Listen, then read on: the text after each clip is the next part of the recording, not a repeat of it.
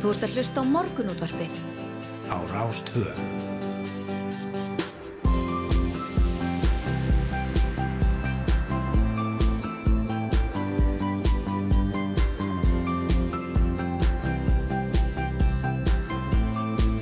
Morgunútvarpið Á Rástvö.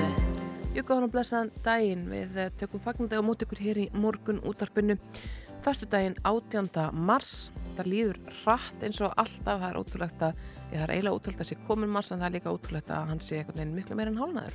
Já, einmitt. Bara magna. Já, já, klukkan vantar tíu mítur í sjö og við verum hérna til klukkan nýju og við svona hérna, já, á föstum fyrir til og með alltaf við fréttir vikunar. Mm. Það var engin undantekna á því í dag. Við ætlum að ræða við Jóhannes Þór Skúlason, framkvæmdastjóra samtaka ferðarþjónustunum og Svaneldi Hólm, framkvæmdastjóra viðskiptaráðs og það er á nóg að taka í þetta skiptið eh, eins og svo sem oft áður. Það eru þrjár vikur frá því að rússar ríðast inn í Úkrænum og þá er íslenska þjóðin valið framlastitt fyrir Eurovision sem fer fram á Ítalju í þetta skiptið. Emitt. Við erum alltaf að vita bæði jáskaplega mikið um, um uh, söngvakefna á Já, Eurovision. þau eru júronöttarar bara eins og, já, eins og annarkuð maður undir en þau eru svona sérstaklega, hérna, sérstaklega spekulandar um söngukefnina. Já, já. Uh, við ætlum líka að beina sjónum okkur til Hollywood hér í lókþáttar en skilnaður mókusins Kim Kardashian og rapparans Kanye West hefur farið afskaplega ítla fram og svo síðan nefndi áreitt fyrirvændi einhvern sína ofinberlega svo mánuðum skiptir. En einnig nýjan kærastannar grínast en Pete Davidson. Málið náði okkur um hábúndi í gær þegar Instagram lokaði fyrir aðgang rapparans í sólarring vegna rasískra ummæla um þáttastjórnundan Trevor Noah sem blandaði sér óvandi málið og lísti hegðun vest sem hættulegri og meiðandi. Þú maður fá til okkar tvo pop-spekulanta til að ræða þetta mál, þau Bergþór Másson, umbósmann og Kristínu Ólfsdóttur, bladamann á Vísi. Já, þetta er áhugavert. Uh, kann ég segir í, í sínu nýjasta lagi að, að hann sé að eiga besta skilnað í heimi en ég held að, að hérna, það væri fáið sem tekju undir það hjá hann. Já, kannski besta skilnaði fyrir hann. Já, en uh, koronans fyrirverandi, Kim Kardashian, hún er búin að grátt við hann ofinberlega um að láta af sko ofsóknunum og áreitinu sem að einhvern veginn og, og dilgjunum, það er og fremst það sem að fer verulega fyrir brjósti á henni uh, hann er svo mikið að dilgja um sko það hvernig hún leifir honum að umgangast börnin og svo framvegis að hafa verið alls konar svona, hann vil Já. sagt að hún sé að halda sig frá börnunum og hún vil svara á móti hvað við, þú, þú varst inn í morgun og fórst með krakkan í skólan veist, það er svona, svona skrýtnir hlutir sem það verið að ganga á einmitt. Þetta er, þetta er áhugavert og áhugavert að ræða við í þessa rap og pop spekulanta um þetta mál. En frá Hollywood, um, já, í Dalabygð, við ætlum að byrja þáttinn þar af 976 lögheimilum í dreifbíl á Vesturlandi eru 301 með slitrótt farsímasamband og 22 heimili með lítið eða ekkert samband.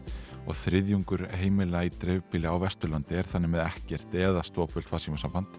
Og þetta kemur fram í svari Háskóla, Yðnaðar og Nýsköpunar á þeirra á þingi við fyrirspurnum málið og við ætlum að heyra í Eyjólfi Yngva Bjarnasinni Ottvita í Dalabið það sem er mitt 40% lögheimilega með stópult eða ekkert símasamband við ætlum að heyra í já, um stöðun á þessu máli Einmitt. hvað þarf að gera og, og hvers vegna þetta er svona Var ekki rafmaslis hjá hann þú hrindir í gerð? það var líka rámasleysi þá í, gulri veður viðvörun og veðrið er nú oft verra en, en það var í gær Já, já, að það hefur talsið áhrif. Við ætlum líka að ræða eh, við framkvæmdastjóra íslenska fyrirtækisins North Tech Energy sem vil setja upp jarðvarma virkjanir á hafsbótni og telur að það komi í veg fyrir þörfin að virkja á landi.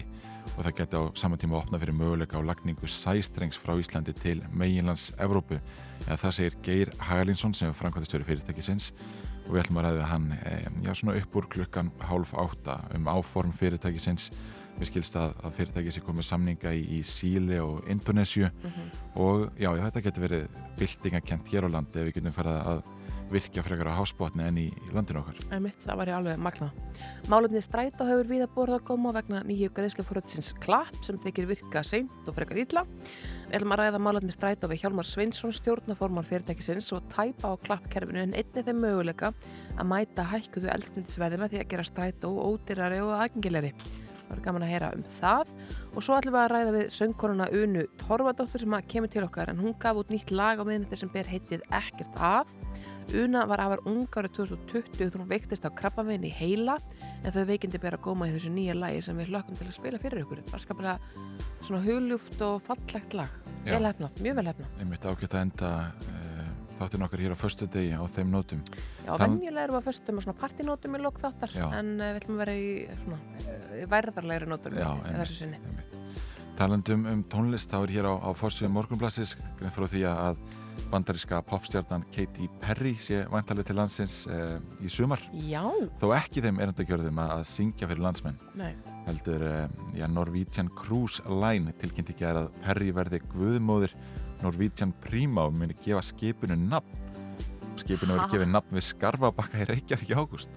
Já, og það er alltaf Katy Perry að vera og, og hérna, hún mun þó ekki tróða upp heldur fara bara hérna beinti það að já, já, að gefa skipinu nafn þannig að eh, brjóta flösku á því og eitthvað já, svona. bara í, í rókinu í Skarfabakka. Þannig að hérna, það er, það er spurning hvort hún taki einhverja línur úr að gista görl eða einhver, einhver stíkt á meðanum en það er alltaf ekki yfirlýst markmið þessara ferðar hennar. Nei, það væri, já, ok, áhugavert, ég, hérna, öll mánu nafngefa, segjum að bara. Já, Uh, hér á fórsíðu fréttablasins er fréttum uh, myndi fyrirsögninni skilur ákallum að vísa sendi herranum úr landi. Og hér er rætt við Þórtísi Kolbrún Reykjörð Gilvadóttur utanækis ráþara uh, sem að segir að uh, þau hafi kallað sendiherra Rúslands inn í ráðundið oftar en einu sinu og oftar en tvisvar öll samskipti okkar við Rúsland eru algjöru lágmarki og við hefum stutt við allar tillögur sem hafi komið fram með snúa því að refsa rúsneskum yfirvöldum á alþjóða vettfangi hvort sem það eru viðskiptaþvinganir eða þáttaka í alþjóðasamstarfi. Eftir stendur þó að Ísland sem og, sem og í öðrum löndum séu sendi herrar og sendi ráður Úslands enn á sínum stað. En hávarar kröfur hafa heyrst frá almenningi um að bara reynlega að vísa sendi herrunum úr landi. Hann heitir Mikael Vafnáskov, íslenski sendi herran sem er á Íslandi. Hann verður reglulega endur að staðhafingar Úslandsfórsetta um að innrásin í Úkrænu sé ekki stríð, heldur sérstök hernaðar aðgerð. mm, ég endur tek bara öllum mánu nafngefa. Hér á fórsíðum morgunblassins er, er eh, líka áhugaver mynd sem tekin er í, í hafnarborginu Odessa við Svartahaf í Ukrænu um, Þar eru Ukrænumenn að búast til varnar uh, og einhver, einhvern veginn bjóst maður aldrei við því að, að til þess að myndi koma uh, svona sunnanlega í landinu það verður hér að, að koma upp steipu klumpum og, og, og einhverjum sandbókum Mm. um, og handan þeirra uh, við enda göttunar má sjá akademiska þjóðarleikhúsið í þessari sögufræði borg sem hýr, hýsir bæði óperu og ballett.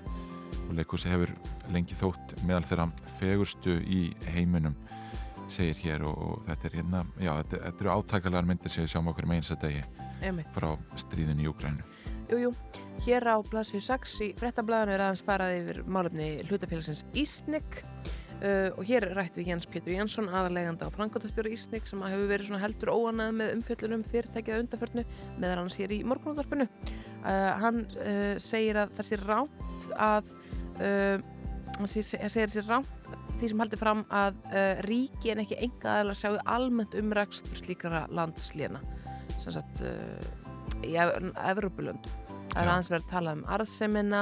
Þau greitur sér 108 miljónu krónu í arði fyrra og svona, þetta er svona eitt og annað sem að kemur hér fram.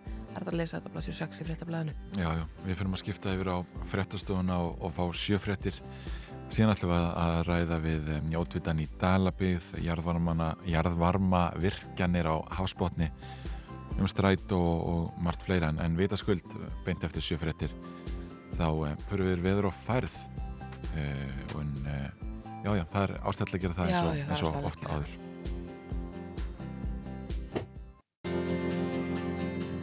Þú ert að hlusta á morgunútvarpið. á Rástvö.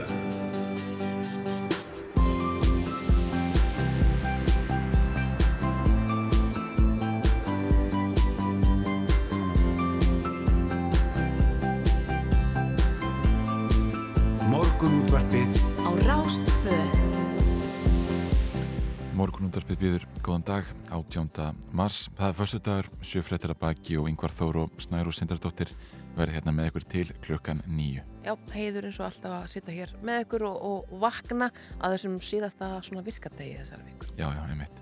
Við ætlum að ræða margt og mikið þetta í dagsins. Við ætlum að, að heyra í ótvitanum í Dalabygð um slæmt símasamband á svæðinum. Við ætlum að ræða í mögulegan á því að, að e, vera með jarðvarma virkjanir á hafsbotni og hvernig það getur komið í veg fyrir þörfin að virkja á landi. við ætlum að ræða strætó. Emitt og svo ætlum við að ræða ég farið við frétti vikunar með Jónsi Þór Skúlasinni og Svanaldi Hólm. Og við ætlum að líka að beina sjónum okkur til Hollywood og ræða málefni Kim Kardashian og Kanye West við tvo popspekulanta. Og svo kemur söngkonan Una Torvatötu til okkar í lók uh, þáttar með nýtt lag þar sem að meðal annars tæft á veikindum sem að hún sem hrjáðana uh, frá árunum 2020 Já, mjög fallegt og huglutt lag sem að ég laka til að spila. En ef við lítum hér til veðurs, uh, þá er ennþá gul veður viðvörunni gildi fyrir höfborgarsvæðið, Suðurland, Faxaflúa, Breiðafjörð, Vestfyrði, Strandi, stranda, Strandir og, og Norrland Vestra, Suðausturland og Miðhálendið. Og það er, má gera ráð fyrir því að, að svona hérna, já, mér sýnist veðrið og veður viðvarðnar ganga niður núna í eftir um það byrjum tvo tíma á, á flestum landsvæðum. Eh, Það kemur hér fram í hulengum veðurfræðings að allkvöss suðvestanátt með jæljagangi e, í fyrstum og gular veðurviðvarinir síðu gildi um landið sunnan og vestanvert fram eftir morgni. Þetta er auðvitað síðan hægt og rólega úr vindinum og úrkominni þegar líður á daginn og undir kvöld stefnir í suðvestan já, þrjár til 10 metrar á sekundu og stöku smájæl. Og í kvöld byrja síðan að snjóa eða slitta um landið e, í hægum vindi fram til morguns og þá koma mjög skörp vindaskil inn á landi þegar gengur í all kvassa eða kvassa sunnanátt á austanveru landinu með hlínandi veðri en vestan til verður frekar hæg norrlæg átt og hiti um frostmark.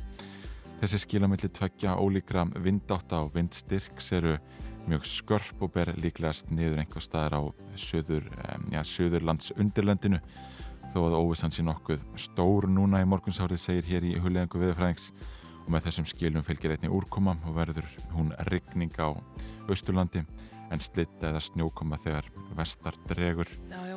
eins og staðinni núna stefnir í þurran morgundag lengst að vestast á landinu það getur breyst með lítilli tilfærslu þessar að skila, já það er hérna Já, já, já, þetta, þetta eru heilmiklar hulleðingar í þetta skipti Hér á vegagerðarnar þá, um, já, eru engin, hérna, er engin óvissa hér á Nei. vegagerðarnar.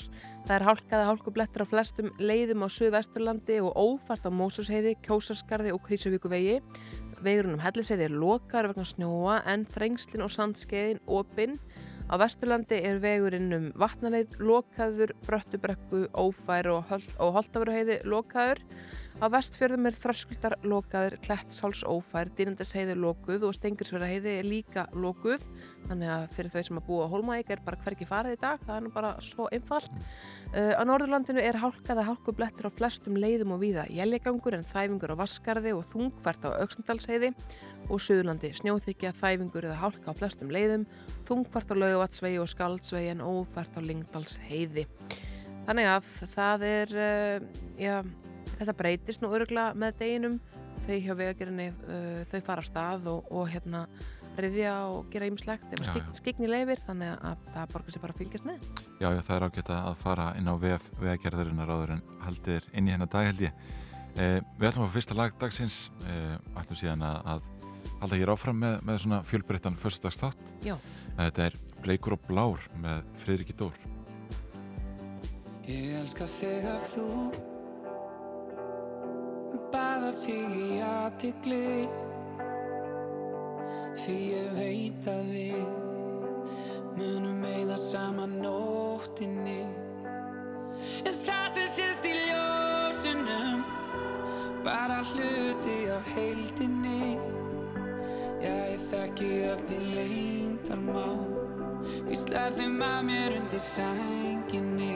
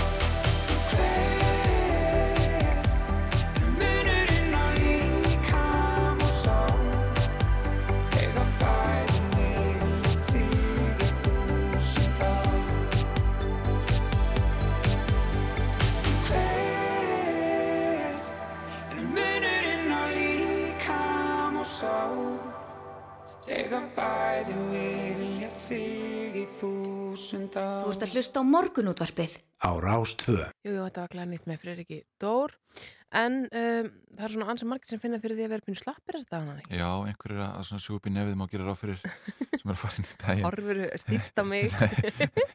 en það er, hérna, það er fleira sem er að ganga en, en uh, veiran skæða Já. uh, það er greint fyrir því hérna uh, á vefvísis að flensan hún er farin á flug uh, influensan hefur látið á sig kræla undarfærið og er farin að greinast í auknum mæli hér á landi. Hún hefur meðal annars áhrif á starfsemi landsbítalans þar sem staðan er erfið fyrir. Þannig að það er hérna, já já, undanfarnar vikur hefur verið stígandi svona í fjölda influensu greininga Mm Eh, þannig að það er eh, já, já, að að segir hér í tilkynningu frá sótvarnalækni að líklegt sé að eiginlegur faraldur eh, sé yfirvofandi.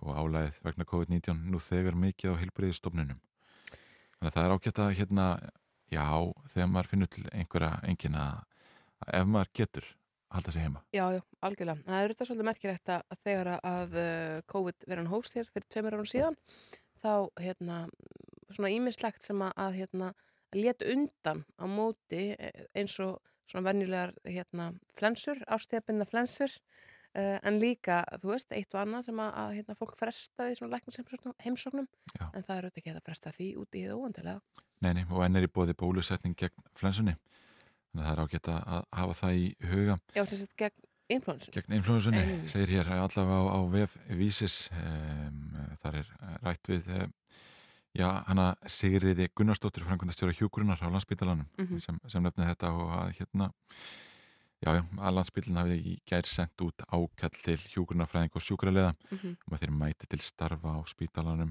nú um helgina. Emmitt. Er að gera hérna svolítið eh, reyka augunum mjög skemmtilega frétt hérna hjá MBL áður en við förum í eitt lag að Hjálmar Örn Jóhansson skemmtikraftur og hlárpstjarnar gerði bráðfyndið síma að þið veðistofu í Íslands á dögunum ringdi inn og baða maður að breyta gulri viðviðurinn í rauða viðviðurinn í Moselsdal Já. hafið ekki erindi sem erfiði en það er örgulega ofta ringt sko að fólki sem er full alvara með að breyta í hinn áttina Já, já, ég held að, að hérna, þau hljóta að fá mikið á símtölum á veðstofunni. Öruglega og frá einhverjum sem standa bara út á hlaði og segja, herðu, það er hérna gul veð, veðurviðvörun sem er að hafa áhrif að fara þjónustunni hjá mér það er ekkert að verði, veðri hérna vil ég ekki að fella þetta gildi Já, það er svona í auknum mæli kannski verið tekist aðeins á núna um þessar veður við farin upp á síkasti. Algjörlega, Um svona, hérna, e, já, já, þetta þetta hefur náttúrulega heilmikil áhrif á, á, á atvinnustarfsemi og, og svona daglegt líf fólks. Herðu, en ef við ekki að fá eitt annað lag, svona fyrst að spragur af þessu. Jú. Þetta er Where's the Love með Curtis Harding.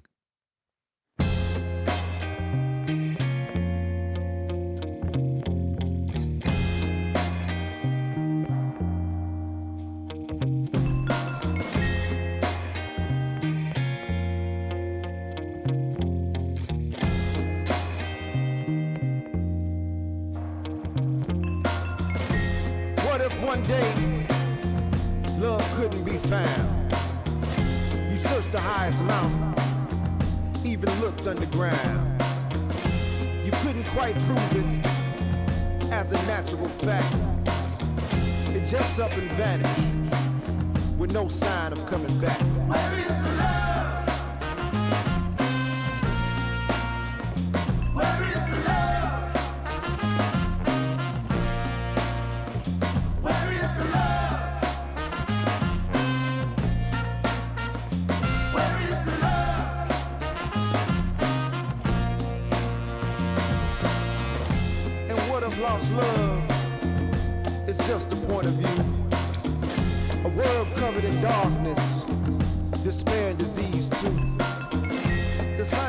pathology couldn't even explain the effects to our bodies, the feeling of disdain, an insatiable hunger no one or nothing could feel, a deep bottomless hole a real raw deal. It's only because of love that I'm obliged to tell that if we ever lost it, this would be a living hell.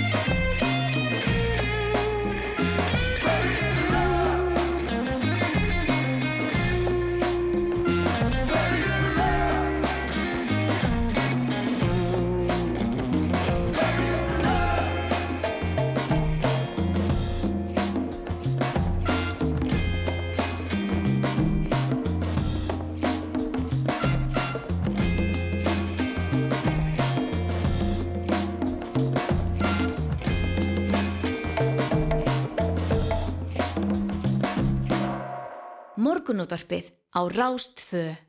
Alla virka daga frá 6.50 til 9. Jú, jú, morgunútvarpið heldur hér áfram og við ætlum að ræða já, símasamband á Vesturlandi en í nýlögu svari Háskóla eðinar og nýsköpunar ráð þeirra er greint frá því að af 976 lögheimulum í dreifbíl á Vesturlandi eru 301 með slitrótt farsímasamband og 22 heimili með lítið eða ekkert samband og Ejólfur Yngvi Bjarnason Ottvit í Dalabrið er komin á línuna, góðan daginn Góðan daginn. Hvernig hefur þetta verið hjá ykkur í Dalabið? Eh, Hefur verið slitrótt farsímasamband núna í einhver tíma? Já, það er, það er búið að vera það og það er heila alveg sama við hvernig tölum hér í, af íbúum hérna á svæðinu. Það sammælast allir um það farsæða sambandi það hefur vest, vestnað undan fyrir mórum Mm. og, og það, þetta er raun og kannski svolítið tvíþættur vandi því að, náttúrulega samlega því að farsíma sambandi vestnar að, að þá er náttúrulega búið að ljóslega á það eða sveitirnar og, og, og fastlínu síminn hefur lagið niður. Þannig að menn upplifa sko kannski meira óöryggi að, að ná sambandi. Það er ekki, það er að tala um slitrótt samband og þá á í raun og ráðunetti við að það er kannski mögulega ágæti samband utan þeirra eða sagt innan þeirra er kannski gott merki einum glukka á húsinu. Já, já. Þannig að menn hafa ekki eins og sko símasamband um allt húsið innan þeirra. Þetta hefur náttúrulega auðvitað áhrif á öryggistilfinningu íbúa. þetta hefur gríðarlega öryggistilfinningu og, og, og þarna við getum bara nefnt sem dæmi að hér eru ekki fyrirtæki og lítil ferðarþjónustu fyrirtæki og þar geta aðlar ekki svarað viðskiptavinum. Ef eitthvað kemur upp á í, í skólanum að þá nær skólan ekki oft í foreldra. Uh, Það býr náttúrulega hefur mikið eldra fólki og margir hefða sig á neyðarnapp og ef eitthvað kemur upp og að, þarna, þá þurfa að vera á réttu stað í húsinu til þess að ná sambandi. Já, einmitt. Þannig að þetta, þetta, þetta er viðtækt. Þannig að neyðar hnappur aldrara, hann virkar ekki einu svona á öllum stöðum í, í húsnæði þeirra, eða heimilið, á heimilið þeirra. Það þarf, það þá að vera þarna samband til þess að, að og þeir eru ofta að reyða sig kannski á nákvæmna sem fyrstu hjálp. Mm. Þannig að það er kannski heldur ekki hægt að ná í nákvæmna ef hann er utan sambands. Nei, einmitt. Þetta eru sko greiðlega mörg heimilið að tala um að Vesturlandi séu 301 eh, sko heimilið með slítrátt farsímarsamband og 22 heimilið með lítið sem ekkert samband.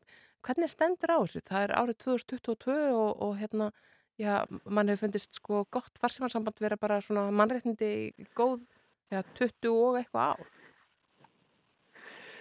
Já, ég, nú stór, stórt er spurt. Það er bara samkvæmt þeim upplýsingar sem við hefum aflað. Þá er náttúrulega engin skilir við lögum með reglum um að það þurfa að vera einhvern sko lámars varaflum en þess að svörin sem við fáum þau eru kannski bara raun og þá og við náum alltaf verðinni tó mm. ef við erum rétt staðsett og er það lámarki árið 2022? Það finnst okkur ekki. Við gerum náttúrulega bara sömu kröfum þjónust og allir aðeins. Já.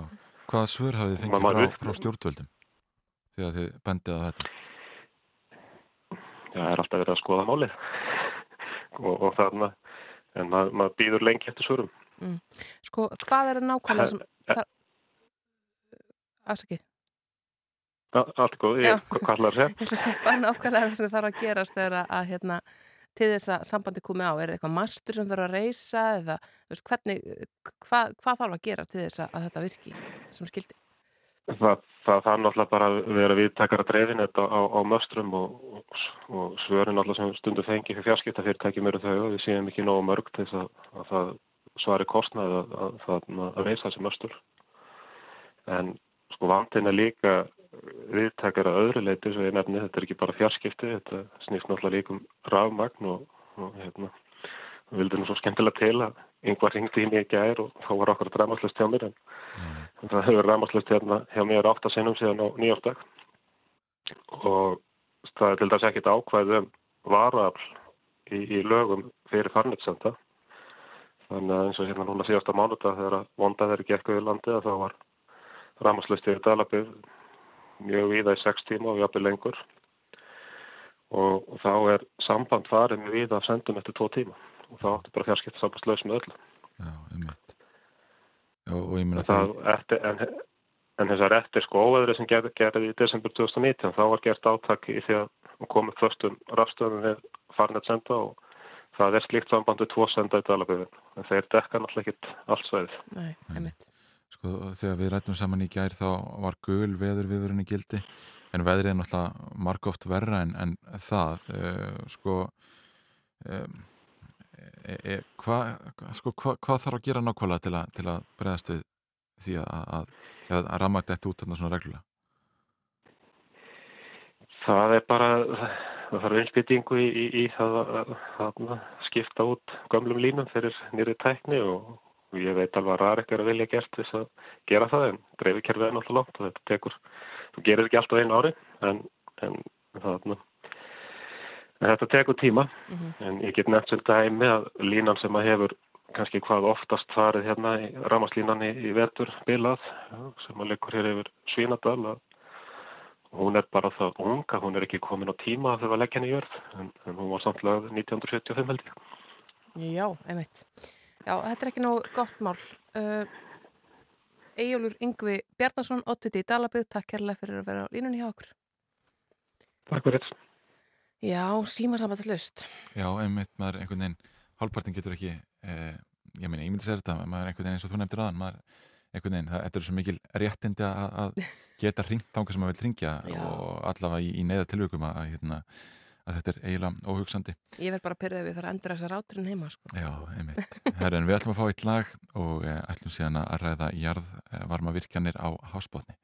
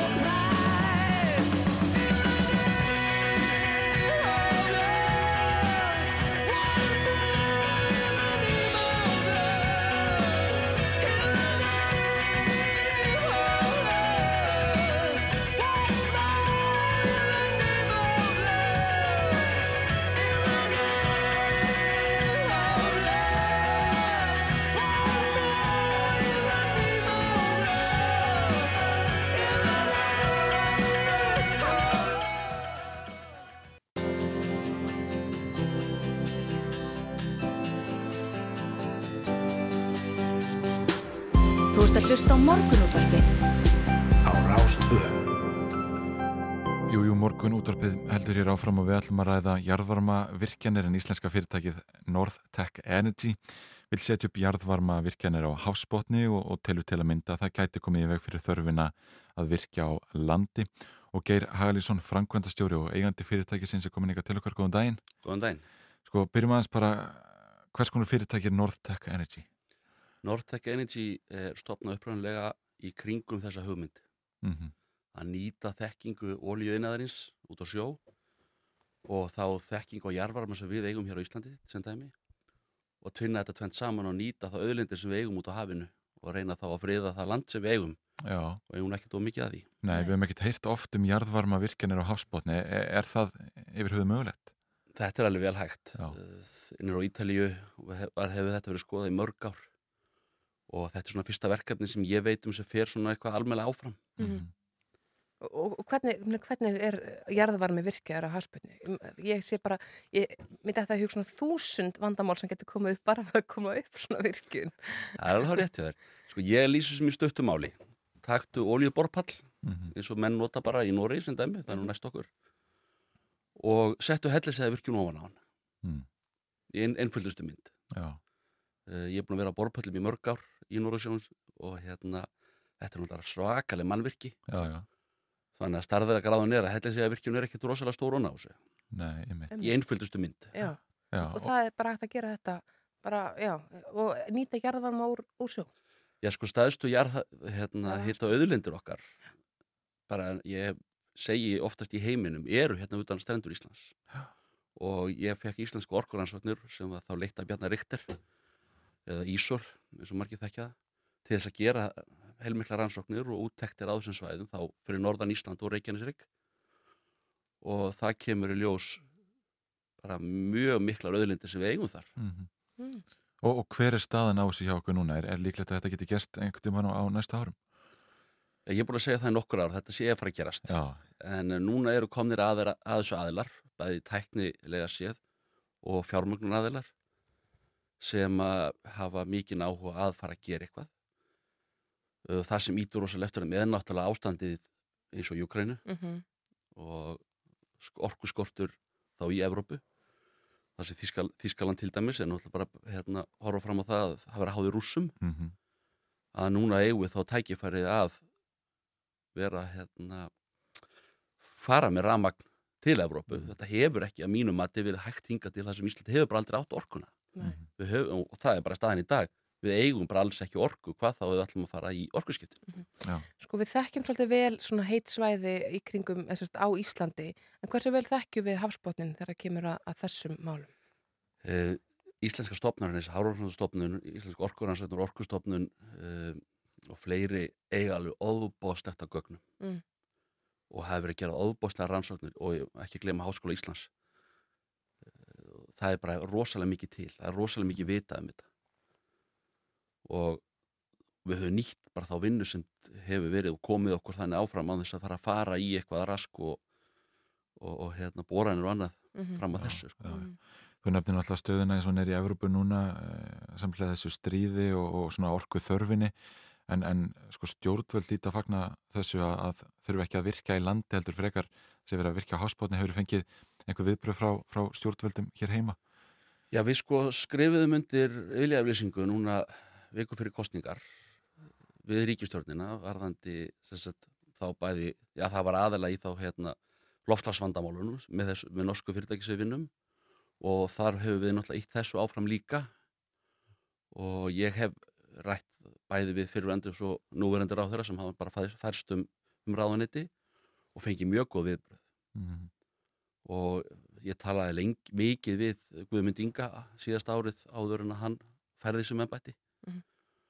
og sem umhverfisráð þeirra og auðvitað koma spurning býtu ert að fara út á sjó menn horfa bara á ólíuna býtu ert að fara að stúta hjá okkur hérna, af auðlundunum Einmitt. en ég lýsi þessu þannig þessi pallur uh, ef hann hrýnur hverfur þá eru ekki þá sko umhverfis hérna, afleggingarnar nánast engar því að upp úr hafsbóttinum í dag streymur óðbóst eitt magn af jarvarma Mhm.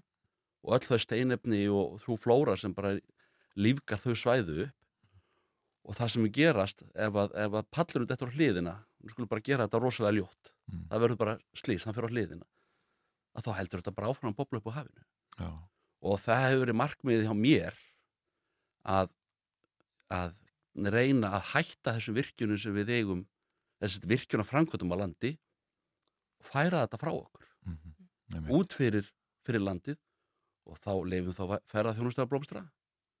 Leifum bara hérna þeim yðnaði sem við þurfum að nýta landið að blómstra. Mhm. við eigum nógu orku út á hafi. Þú ert mentaður sem sko borðpallaverkfræðingur eða? Velfræðingur frá Vélskóla Íslands og svo fór ég og lærði vél á borðprallaverkfræði í Skotlandi emitt, borðpallaverkfræði, þetta er bara orð sem ég hef aldrei heyrt þangað til að komast þetta í morgun. Eh, Sko, var það svona ólíuleit sem að kvatti út í það og svo kom þessi hugmynd setna eða varstu einhvern veginn alltaf búin að sjá fyrir þér að þetta geti orðið eitthvað? Uh, nei, ég var ekki búin að sjá þetta þá og ólíjan var alls ekki hugað mér fyrir fór í þetta. Nei, Ég uh, búin að vera sín 18 ára gamall að vinna á jarborunum, ólst þar upp Mm. og það var, það er ágættum maður, frangværtastjóri Þór Gíslason sem að fyrir ég fekk leið á þessu hvatti mig til þess að fara í þetta Mm. sem var til þess að ég fór út sko. Já, það er náttúrulega heilmikil yðnaður í kringum þess að olju borpalla til og með í Nóri eh, séru fyrir sko, hva- hvað eru margir sem myndur starfa á, á svona jarðvarma borpalli, getur við sagt, eh, á Íslandi?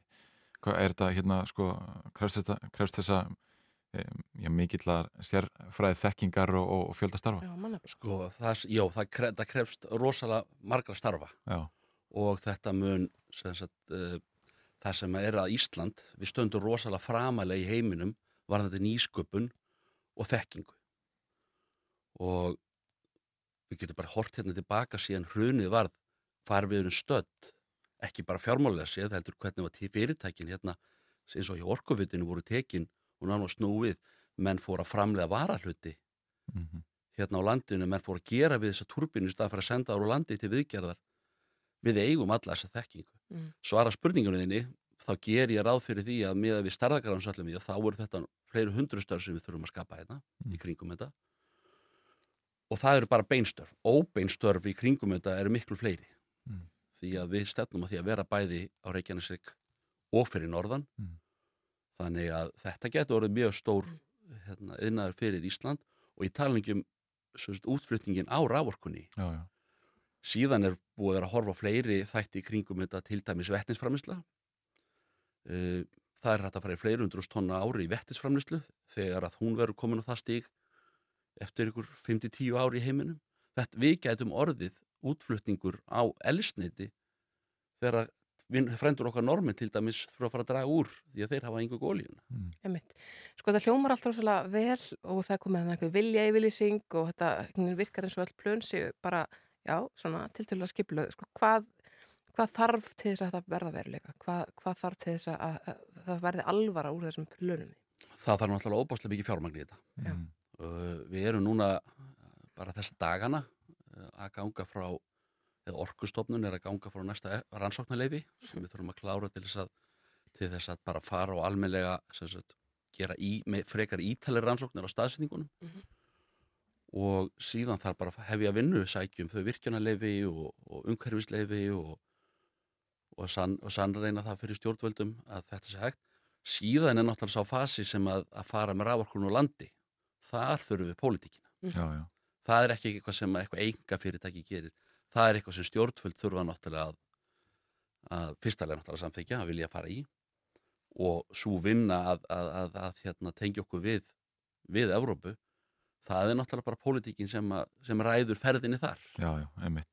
Þetta er mjög áhugavert Geir Hagalinsson, framkvæmdastjóru og eigandi Northtech Energy. Takk fyrir að ræða okkur hérna í morgunútarpinu. Takk hjá fyrir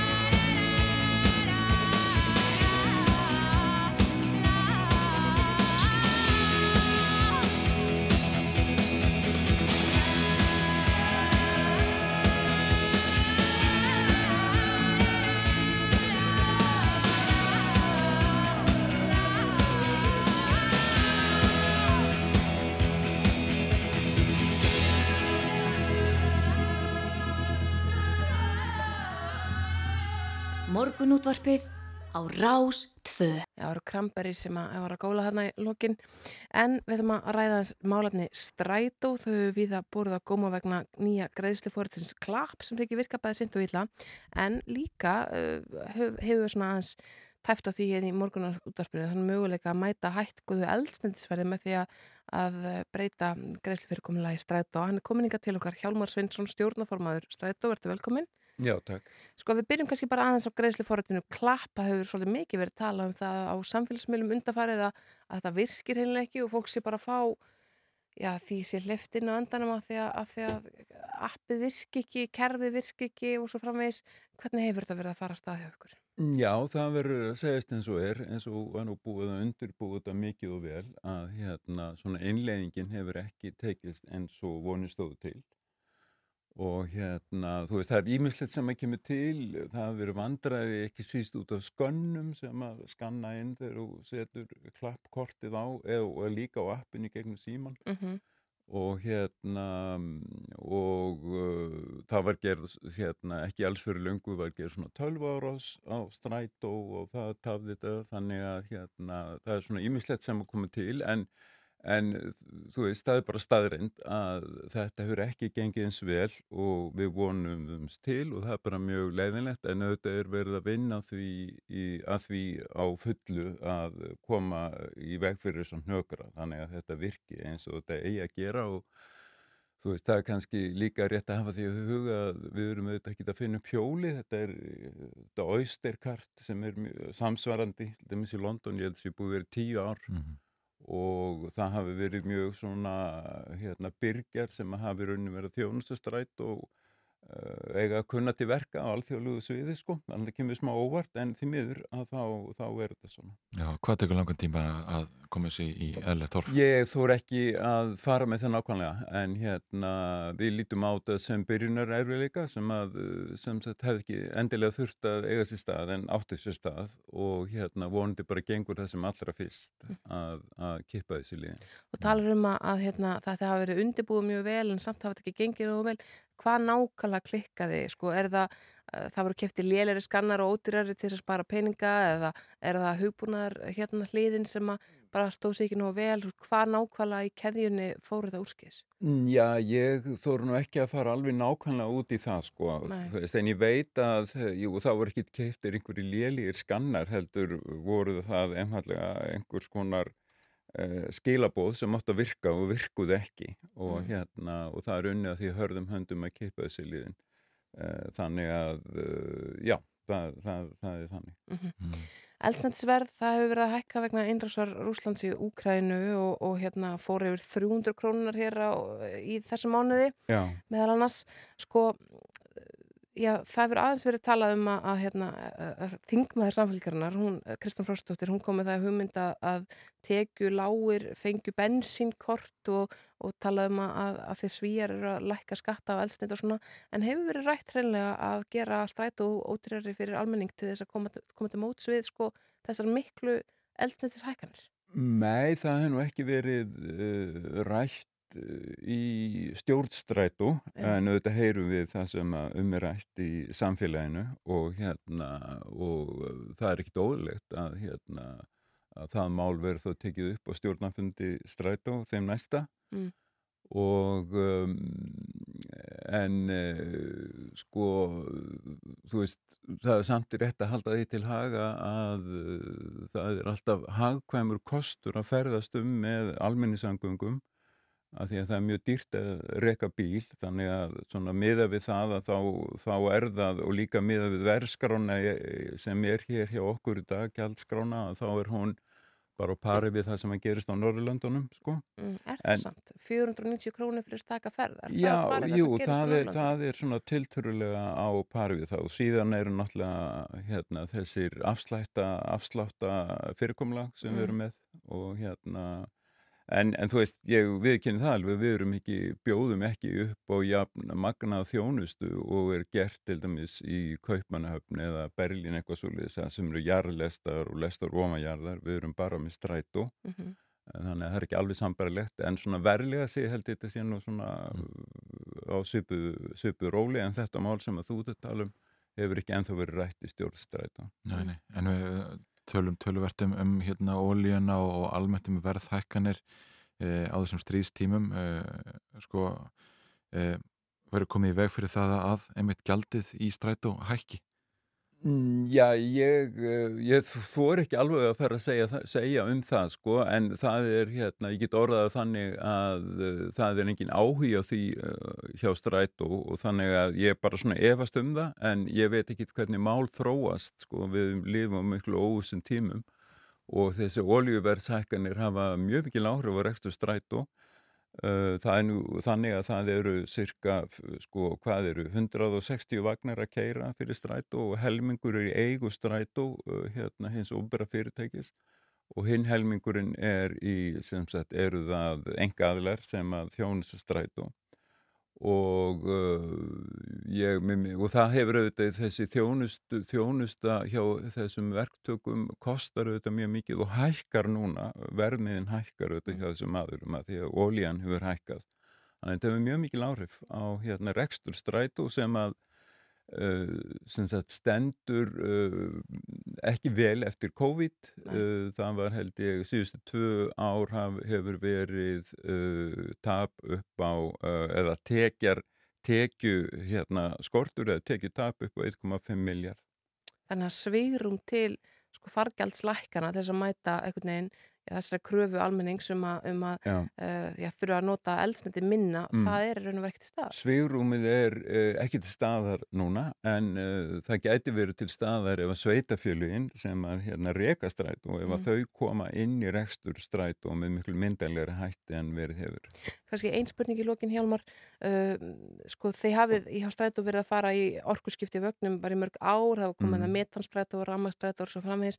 Hversu margir strætóar keira á eldsneti og verða þar leðandi fyrir þessum miklu hækkunum á markanum? Já, af 160 uh, sko þá eru sko, svo við tölum í rauninni bara um stræt og flota sem að fyrirtæki sjálft á, byggða samlega sjálft á að þá eru það eitthvað um 70-80 vagnar og það eru 15 rammasvagnar og 5 metanvagnar Já. sem að þótti fyrir bara mjög uh, skömmu síðan frekar gott hlutfall en nú erum við að byrja að dragast aftur úr og það er mjög brínt að strætó fái fjármagn til að kaupa fleiri umhverjusvagna, metanvagna eða rammasvagna sem mann nú reyns betur enn sem komið er Já.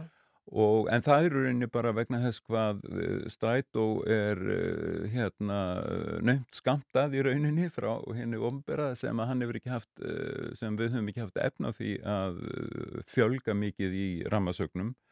En það stendur þó til að setja 400 miljónur þessu ári í nýja vagna sem að verða sennilega rammasögnar. Mm. Hjálmar Sveinsson, stjórnumformaði strætó, takk kærlega fyrir komuna í morgunútarpið. Þú fara við frettir vikunar hér eftir skamma stund með þeim Jóhannes, Þór skúlasinni og Svanhildi Hólm uh, og ræða svo eitt og annað.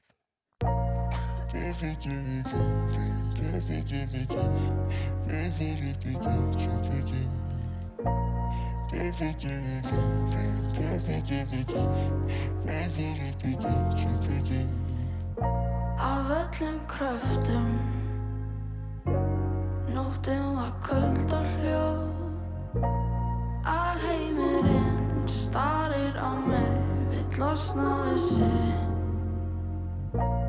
Röddinn í klettunum Röddinn í klettunum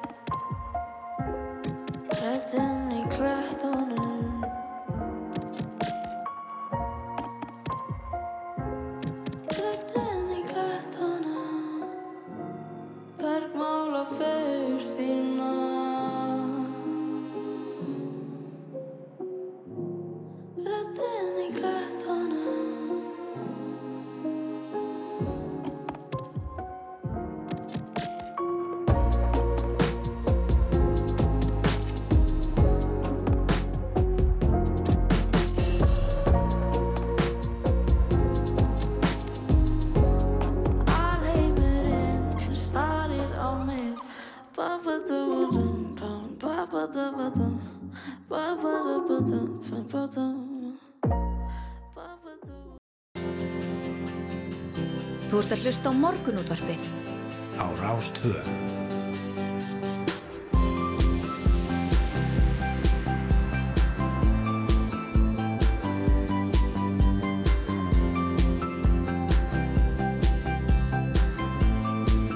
Morgunútvarpið á Rástvö. Jújú, áttafréttir að baki og morgunúttarpið heldur hér áfram og venju samkvæmdræði við fréttir vikunar og fyrstutum og þetta skiptir eru komið til okkar Jóhannes Stór Skúlason, framkvæmdastjóri samtaka færaþjónustunar og Svanildur Holm, framkvæmdastjóri viðskiptaráðs. Góðan daginn. Góðan daginn.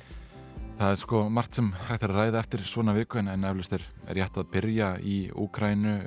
Það er ekkert, ekkert láta á átökum einhvern veginn og, og, og við sjáum ekki fyrir endan á því. Byggusti við því að, að, að já, þetta er þrjár vikur allavega átökum og, og það er ráðið svona einhvern veginn þvert á landið.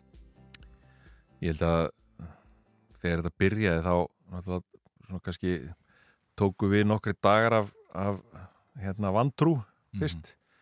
maður átti að segja alveg á því hversu stórt þetta væri að hvað verið að gerast en, en uh, svo eftir því sem að svona leið inn á aðra vikuna á þessu þá held ég að ég ætla að fór maður átt að sjá því að þetta væri bara líklegt til þess að dragast mjög lengi ég held að hérna að þetta sé líklega til þess að dragast í einhverju mánuði frekar heldur en að það ljúki á einhverjum vikum sko. Mm -hmm.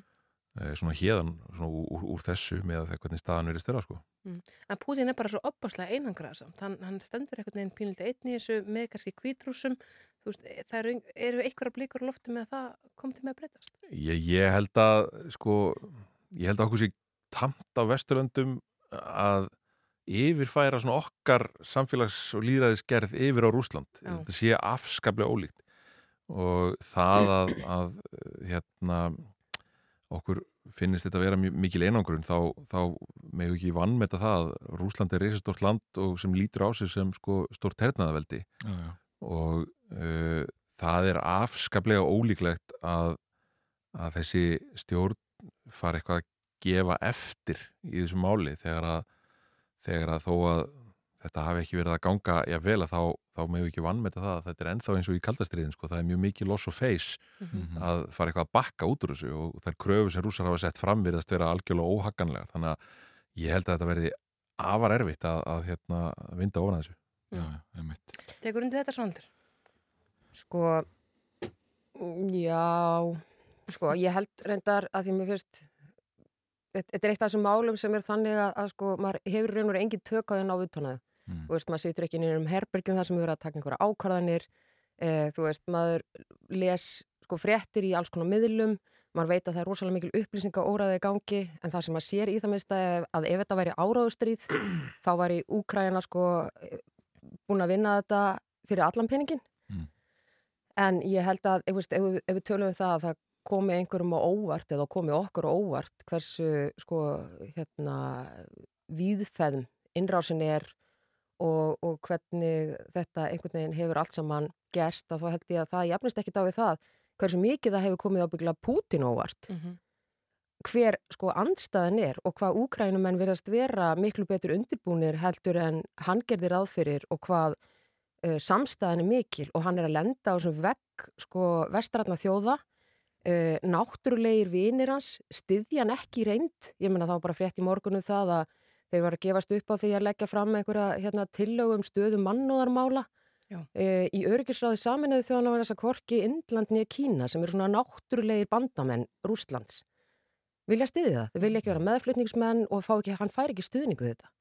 Þannig að ég held að, að sko, þó að rússar séu stór þjóð, það búið 140 miljónum manna og Putin sé Eh, sko, þú veist, hann gengur náttúrulega bara einhverjum efnum sem við skiljum ekki. Að, að, að þá, sko, samt sem ár held ég að hann hljóti að upplifa talsverða einangrun. Og, og þú veist, þessi frétt á mándaginum það að Kína ætlaði að fara að styðja rúsa í stríðinu þá fekk ég nú, þá misti ég sko slag. En síðan kemur í ljós að hugsanlega ætlaði bara að senda matarpakka. Mm -hmm. þú veist, þetta er einhvern veginn þannig að þetta er svona, já, vinnur, þú veist þú ert í þessu vesinni hérna, við ætlum ekki að sko þvælast fyrir þér, við ætlum ekki að taka átt í þessum viðskiptaþvingunum en sjáðu þið sjálfur. Mm. Já, þetta er, þetta er, þetta verðist svolítið, þetta verðist þeirra mjög mikið leinangurinn á alþjóðasviðinu og hérna, en mér finnst til dæmis þetta sem þú nefnir, sko, vanandi, sko, samstöðuna mitt sem að hefur komið greiðalega óvart og, og það er náttúrulega bara orðið monumental breytingar til dæmis í, í hérna, afstöðu Európusambandsins og ímissa Európuríkja með, því það hvað maður átti vona á. Ég verðum að sjá, sko, í rauninni bara 180 gráðu viðsnúning í utaríkistefnu Þískalands Mhm. um, við erum að sjá uh, alls konar hluti í, í Európa-sambandinu og Európa-samstarfinu sem að hefði verið óhugsandi bara fyrir tveim mánuðum síðan og þannig að uh, og, og það sem að manni finnst kannski eitt af því sem er sérstaklega áhugavert í þessu er hvernig miðla stríðið hefur verið í þessu í kringum þetta vegna þess að fyrir áður en þetta byrjaði þá einhvern veginn var búið að tala mjög mikið um það hvað rússar verið óbáslega sterkir í alls konar svona hérna internet eh, tröllmennsku og hérna eh, en þegar maður fylgist með þessu þá er, þá er eins og er alveg leikil atriði í því hvernig bæði úkrænska þjóðin hefur fengið svona grundallar þætti til þess að saminast um þessar, allar þessar sögur sem hafa orðið til eh, um, um vörnina og hvernig uh, Selenski hefur þetta að nota samfélagsmiðla uh, hvernig það hefur í rauninni menn hafa notað sko Twitter til þess að basically skammast í Elon Musk og Facebook til þess að gera eitthvað sko Einmitt. og hérna eh, það er alveg ótrúlega að fylgjast með þessu og, og, og þannig að Úkrænuminn hafa gjörsanlega sko malað þessa, þessa svona ofnbjörgu miðlabaráttu Mhm. uh, og maður svo er velti líka pínlítið fyrir sér sko hvort að það kannski líkillin að svona því að vera með góðan og sterkan fórsetta sé að hann hafi bakgrunn í leiklist. Þú veist þess að tala um Reagan sem einn af stóru fórsetónum sko. Það er farið að vera raunveruleg spurning. Já, Mm, Selenski einhvern veginn er bara, hann tekur þetta hlutverk og tekur það í nefið. Já, já, Í hettupeysunni sinni bara og, og hérna, Já, já, já. Og, og sko, þú veist, Macron farin að mæta á einhverja fundi Já. til þess að, þú veist, vera svolítið meira svo Selenski þannig að, að hérna, kannski er, þú veist, kannski þetta er eina af þeim álíktunum sem við getum að, það að, er- það er gott já, að vera með leikar í þessu hlutverki. Það er alveg magnað að fylgjast með þessu sko. En það er Já. engin tilvíðina að við séum með ykkur hér frangatstjóra samtaka ferðarþjónustunar og frangatstjóra viðskiptaráðs að við snúum aðeins sjónarhóðinu hinga heim. Sko það eru viðskiptaþvinganir og þetta er að hafa mikil áhrif. Við byrjum þér svanaldur sko hvernig, hvernig líður viðskipta lífinu í einhvern veginn þessum viðskiptaþvingunum ef ég má svara því eftir svona 30 sekundur Já. að því mér langa að bæta einu við. Já, að sko, þú veist, að því að þú varst að tala um miðlan og hvernig það verður notaðir þá hérna uh, þú veist, það, þetta er sko veist, það eru svo margar leiðir einhvern veginn til að sko, þú veist, ná einhverjum upplýsingum og, og ná einhverju tengslu við þetta. Og ég sem sagt er með hagfræðingi vinnu sem er lengi búin að fylgja Instagram rekningi hjá kísu sem heitir Steppan Kísu? Já. Og þessi köttur er aðalega frægur fyrir það að hann er svona, hann sko setur mjög á sérstakann hátt og setur sko loppuna, þú veist, aðra loppuna svona upp á borða eitthvað, er bara svolítið svo manneska, mjög fyndin og svolítið nellin og svona. Og, og hann hafði aldrei spáðið það, þessi köttur er sko með miljón fylgjendur, hann aldrei spáðið það sko hvað er í heimunum þessi köttur væri að sitja þarna með rauðminsglasi sitt á loppuna. Og svo bara í fyrra dag þá allt í nú kemur story, veist, í, á Instagram. Kemur bara saga þar sem er verið að fara yfir ferðalag þessara kísu sem er núna komið til Póllands. Að þá kemur í ljós að kísan e, bjó í Karkív, Mhm. þar voru ekki þar árásir og loftarásir og húsið e, hans, Steppans, var sprengt.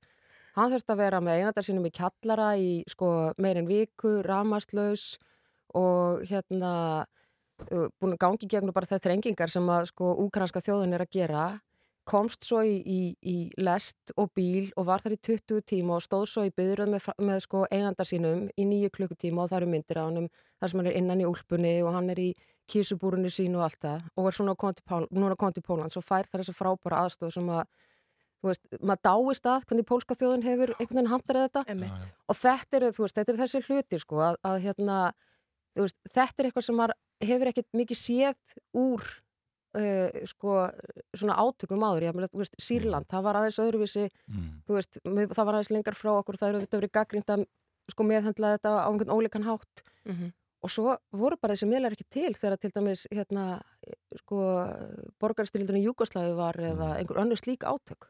En þetta er akkurat þessar sögur sem eru svo mikilvægar í svona, það er, það er bara sögur af venjulegu fólki sem að er að, að lifa í gegnum svona tíma, koma sér í öryggi ég held að þetta séu sko þetta eru svona sem sem sagfræði mentaður sko þá er þetta sögurna sem gleymast alltaf sko.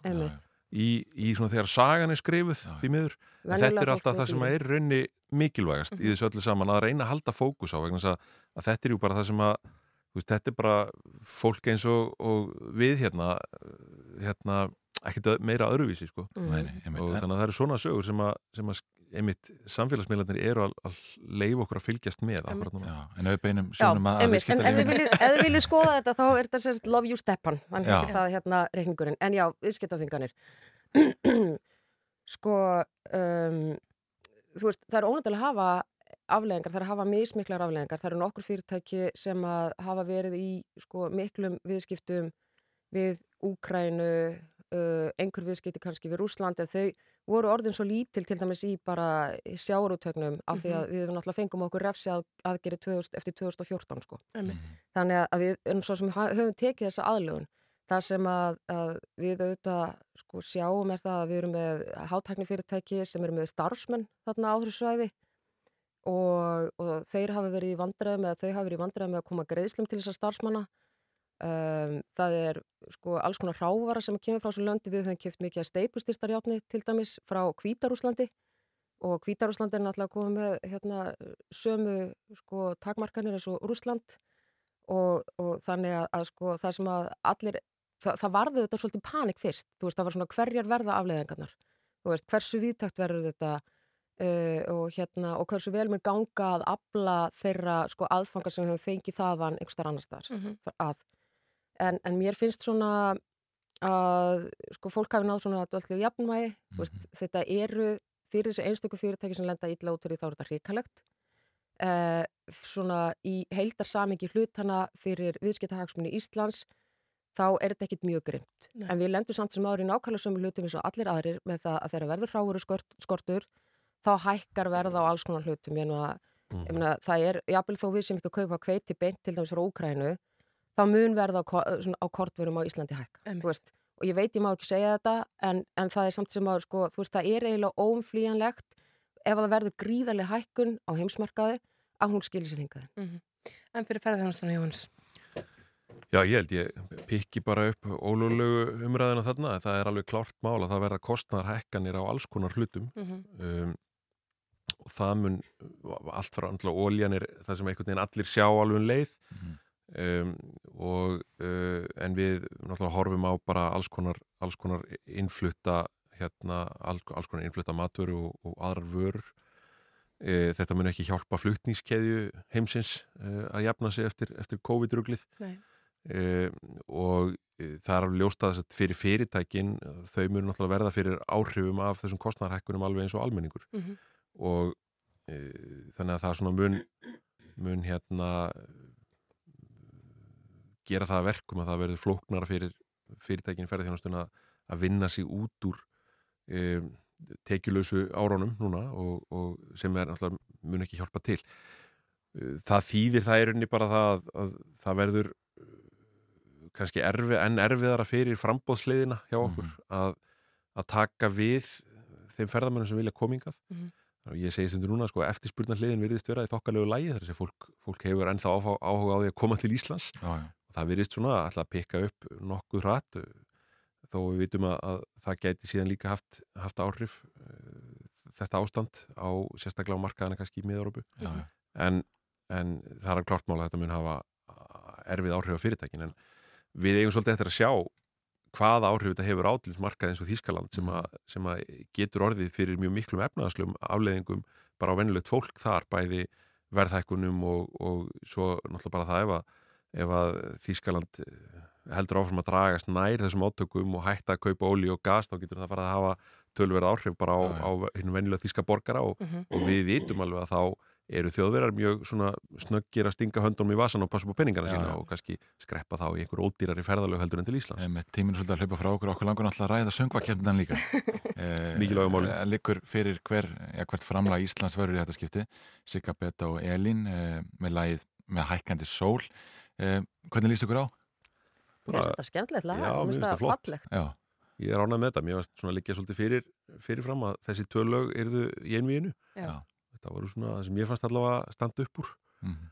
En hérna, Fannst ykkur þetta vera sko samsæri feðraveldi sem skegg Reykjavík þetta var þannig sem þið upplöfuðu Í þetta? sko, lægið sem að var valið er, eru, eru sko flutt af þremur systrum samið af, af konu, það eru tvær hins einn konur í, í hérna hópnum og lægið er tilengað transbönnum, ég sé þetta ekki alveg sem vinn fyrir feðraveldi sko.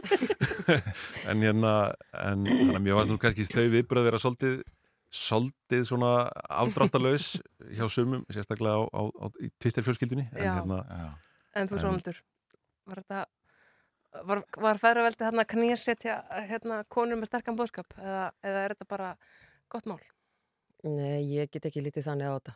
Nei. Ég, eh, sko, um, ég var samt alveg, ég get alveg viðkjönd það, svona miða við umræðana og allt það sem að segja manni það að, að umræðan endurspeglar ekkit endilega alltaf hérna, vilja kannski meiri hluta þjóðarinnar. Nei. Að, þetta, veist, það er þetta hérna, með hennan þögulega meiri hluta, sko. Að ég var, ég var í alveg mjög hissa að þegar að þær unnu. En þú veist, lægið er gott og þær eru frábæri flytjandur og hérna ef að ef þeim tekst að mixa þetta vel á sviðinu sem að ég hérna hef trú á að, að er bjöð ná að gera af því þú veist, þetta er lag sem er viðkvæmt fyrir sko alls konar trublunum, þú veist. Það má ekki vera þannig að bakgrunni séu að háværu og allt það, það er rattirna verða að njóta sín og svona að, að hérna, að mér finnst það bara fallegt og gott og ég held að við getum bara verið stolt að því að senda svona lag í keppnina. Já. Ég er aftur um að ekki endilega vissum sko, þú veist að, að hérna við sem að fara að halda keppninu næsta ári Nei, nei.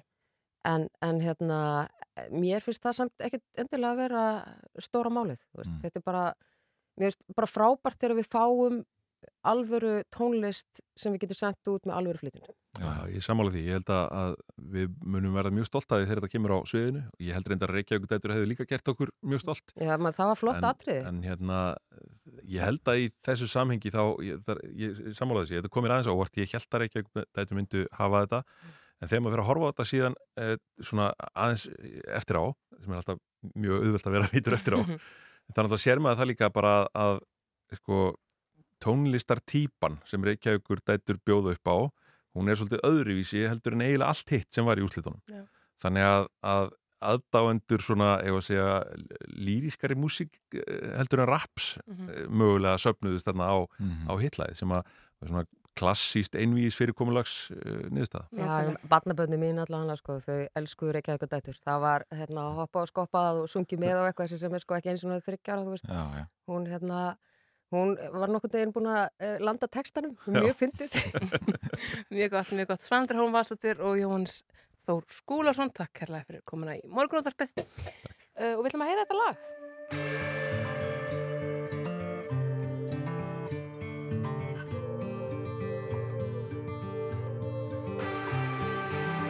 Öldur óti hljóður sá Þrautin þungum vagn sorgar sárum Þrá sem laðar, brennur sem bá Liggur í leiði, leiðindar mann Þeir, þeir Ljósar skiptum fær að sjá. Fegurð í frelsir sem þokast nær Þó nætur húmið skelli á Og sögð á hugan þjá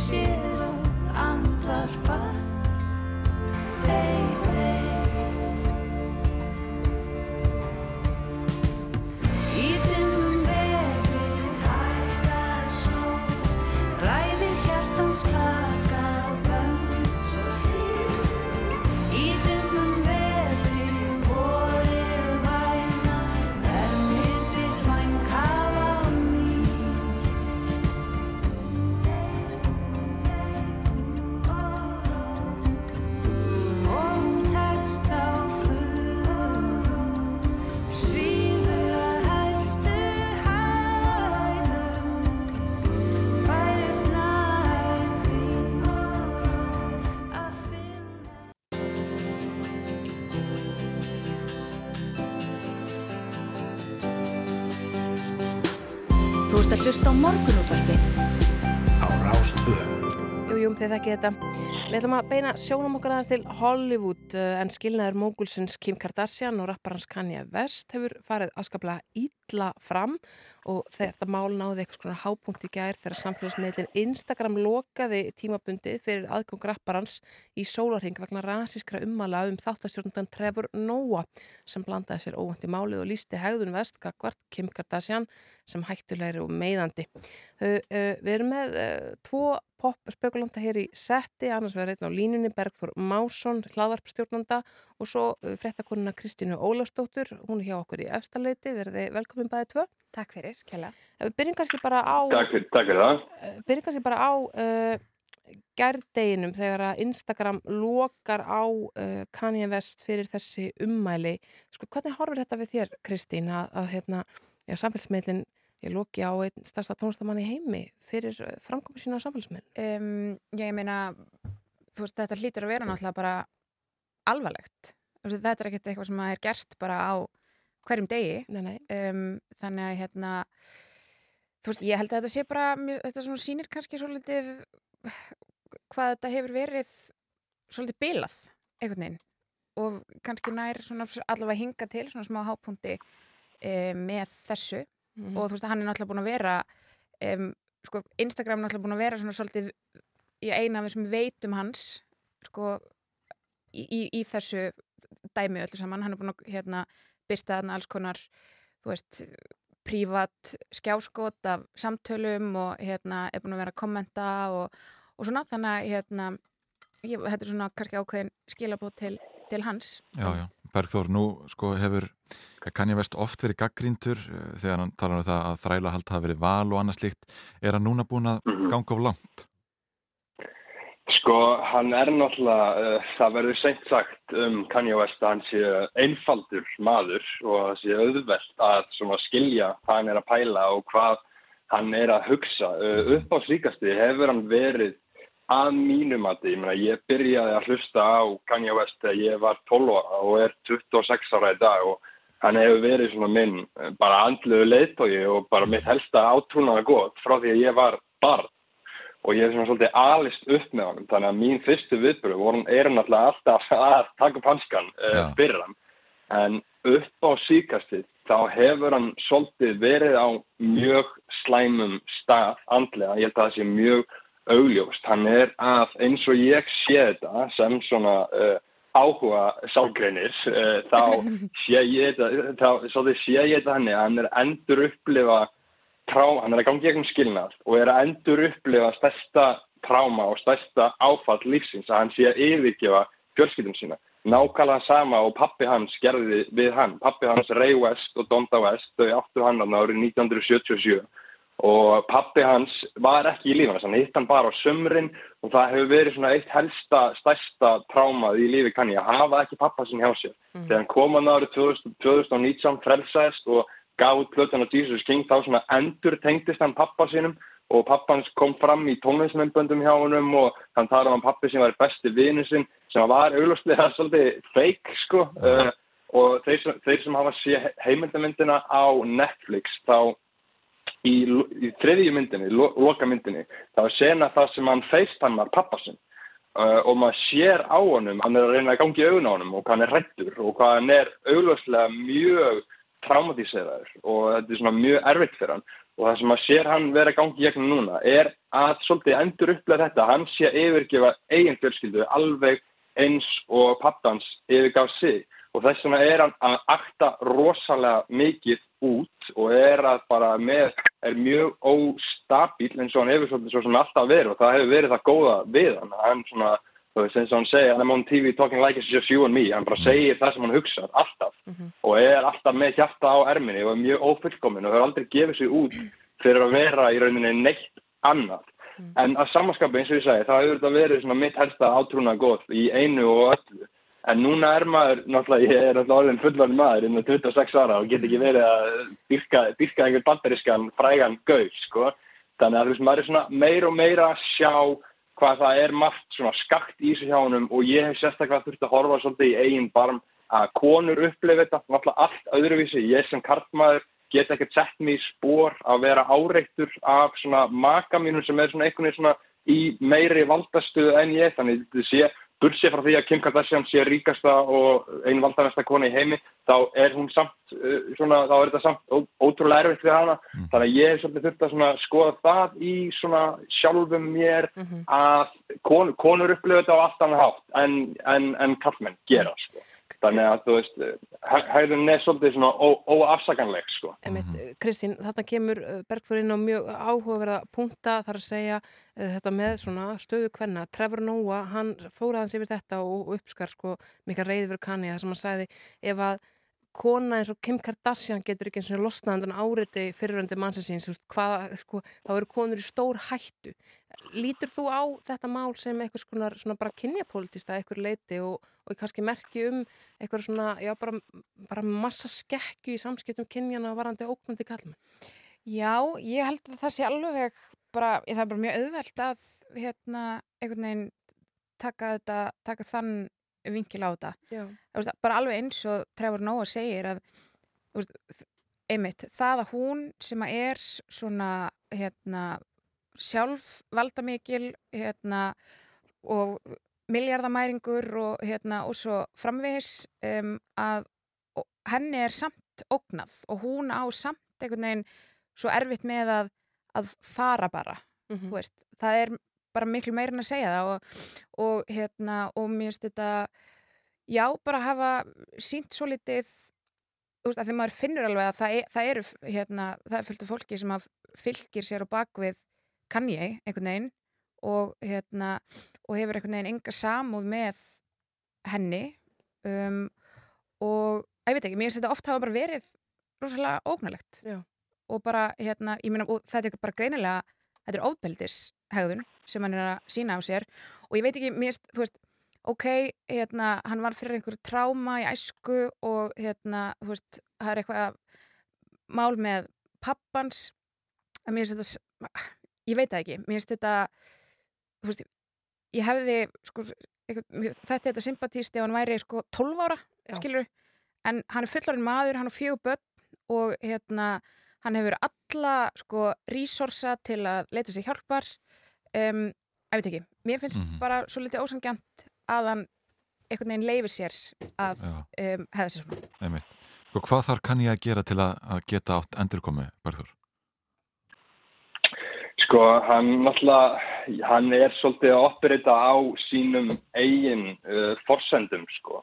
Þannig að ég held að það sem að uh, sé að fara að gerast núna, sé að hann sé bara svolítið að fara forherðast uh, í svona sínum, uh, sínum pælingum og svona, svona að því hann er svolítið í stríði. Hann er búin að vera í stríði við the liberal establishment í bandaríkjum, hann er lengi. Hann er hann hefur talað fyrir og það er það sem að ég hef alltaf, uh, mér hefur alltaf þótt æðislegt við hann sko, hann hefur alltaf hugsað fyrir sjálfan sig og alltaf verið á móti, eða svona ef hann sér eitthvað að svona megin ströms ríkjandi gildum, þá er hann tilbúin til þess að fara gegn þeim sem hann hefur í gegnum tíðina allt, svona, jú, gert og það hefur verið misgott hjá hann vissulega, sko, en hann hefur alltaf svolítið fyllt, fyllt sinni eigin sannfæringu og þú veist, hvað hann þarf að gera til að koma aftur, það er að því að hann þarf í rauninni uh, ekkert til þess að koma aftur. Ég held að hann sjá ekki að sér eins og staðan er núna uh, og hvað þarf að koma að gera aftur til að koma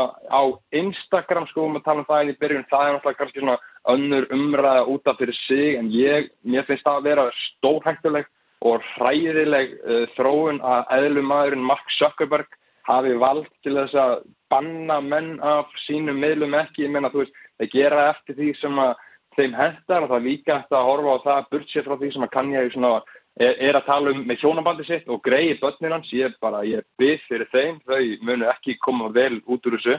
Uh, þá er hann líka svolítið að svona pota í svona uh, einhvern veginn svona ríkjandi gildi sem eru þarna á þessum samfélagsmiðlum og svona bandaríska, bandaríska fjölmiðla heiminum. Þannig að mér finnst mjög varhugavert að það sé verið að reka hann af þar að þess að þessi tækni fyrirtæki hafi þetta rít skoðunar og vald þegar þetta eru bara hugsa ekki um neitt nefn að gróða. Ég meina við getum alveg, ég held að það sé alveg óhætt að fullera það. Þau sá, þeim er alveg sama hvað kann ég er að segja, þau sá bara ok, við tökum pening að við lefum að gera þetta, við græfum pening að við bönnum og það er bókstala eina hugsun, þetta er hugsunarleysi, svona hákapitalist, hræðileg fyrirtæki sem vilja heiminum ílt, þeim er sama um heiminn, mm. að gefa þeim það vald að leiða honum að koma aftur ekki, held ég að sé mjög uh, varhugaverð þróun sem að við virðumst því miður vera að leiðast dýbra og dýbra inn, ég meina þeir ráku uh, bandaríska fósittan af þessu meðlum sko, þú veist, þau tóku Trump út, þau geta það, hvað geta það ekki sko, þannig að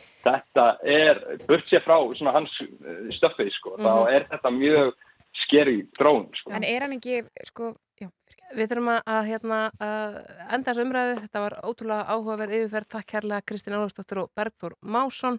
Uh, við hérna, ætlum að heyra eitt lag. Takk.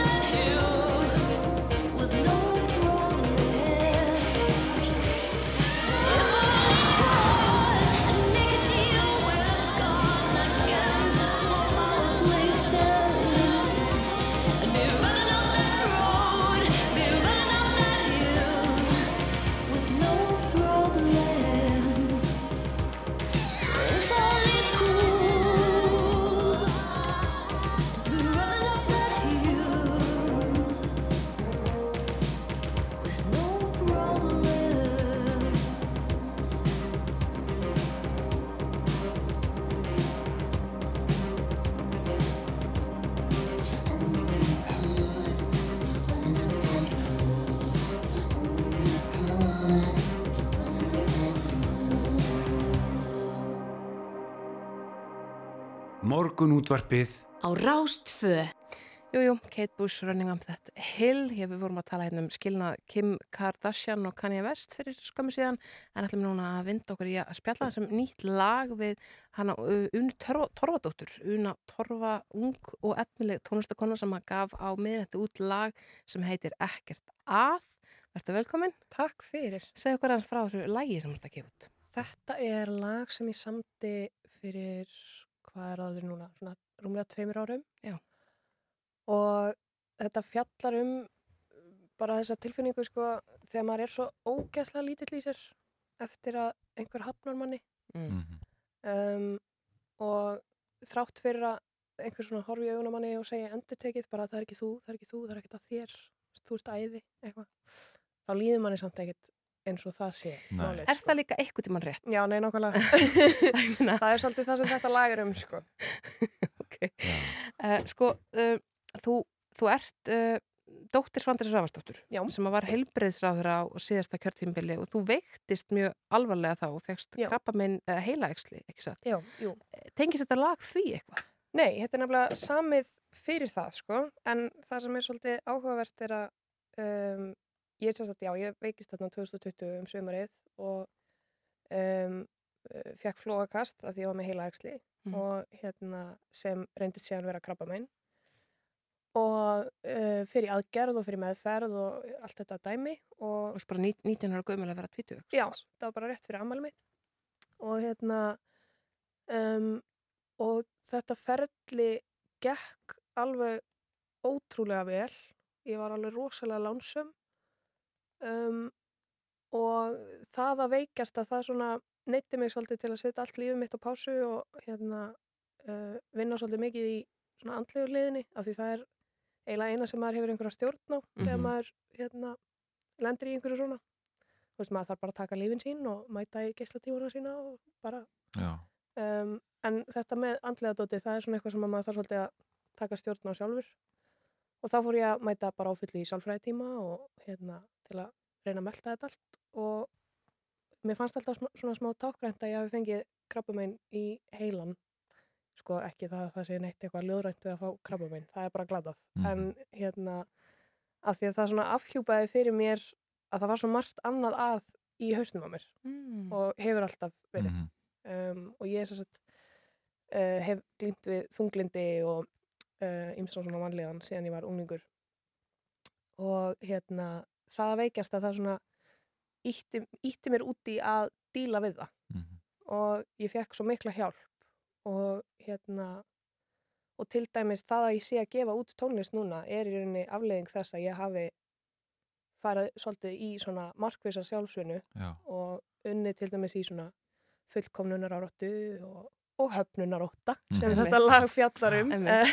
Þannig að veikindin hafi í rauninni sko talsverð áhrif uh, kannski í allar áttir á þína listsköpun. Já, algjörlega og, og hérna, þú veist, þetta, þetta er bara svona eh, eitthvað sem mótar mann mjög mikið að lenda í einhverju svona og hérna, maður verður eiginlega bara að reyna að gera gott úr því. Mm. Hvað langaði að gera með tónlistaferlin? Er það þangað sem þú stefnir eða ætlar að gera eitthvað annað með því?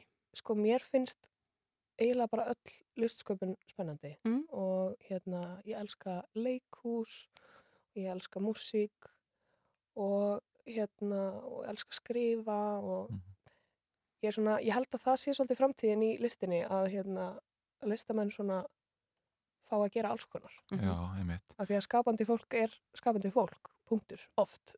oft er það bara þannig. Já, já, einmitt.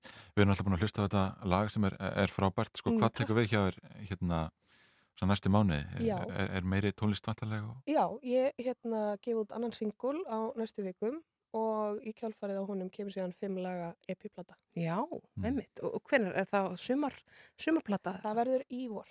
Ok. Það er planið. Og hvað heitir hún og, og hvað, já, er það meira svona í þessa átt sem að er á Mhm. þessari blötu? Platan heitir Flægt og tínd og einmanna. Já. Og hérna... Það er slegið að leta tóna. Já. um, en það er samt, einmitt, hérna, það er svona, það er eitt lag á plötunni sem að heitir líka Flægt og tínd og einmanna og um, fjallar sko alveg klálega um sama þema en frá svona öðru sjónarhóttni og frá svona léttari vingli Mhm. og hérna snýst svolítið um að hafa húmor fyrir sjálfum sér Einmitt. og platan er svolítið bara það. frábært. Una Tóradóttir, takk kærlega fyrir komin í ætlum að heyra þetta lag og hveðja þar með uh, bara eftir helg, eftir Já, vikuna. einmitt, á þessum fína föstu degi e, ágætt að nefna það að það er að nálgast öll okkar viðtöl á rúf.is búin að fara við í dag, allt frá Vesturlandi til Hollywood. Já, Þannig að, hérna, það, er, það, er, það er ágætt. En við ætlum að fara að skipta yfir á fréttastuna en fáum fyrst þetta frábæra lag sem heitir Ekkert að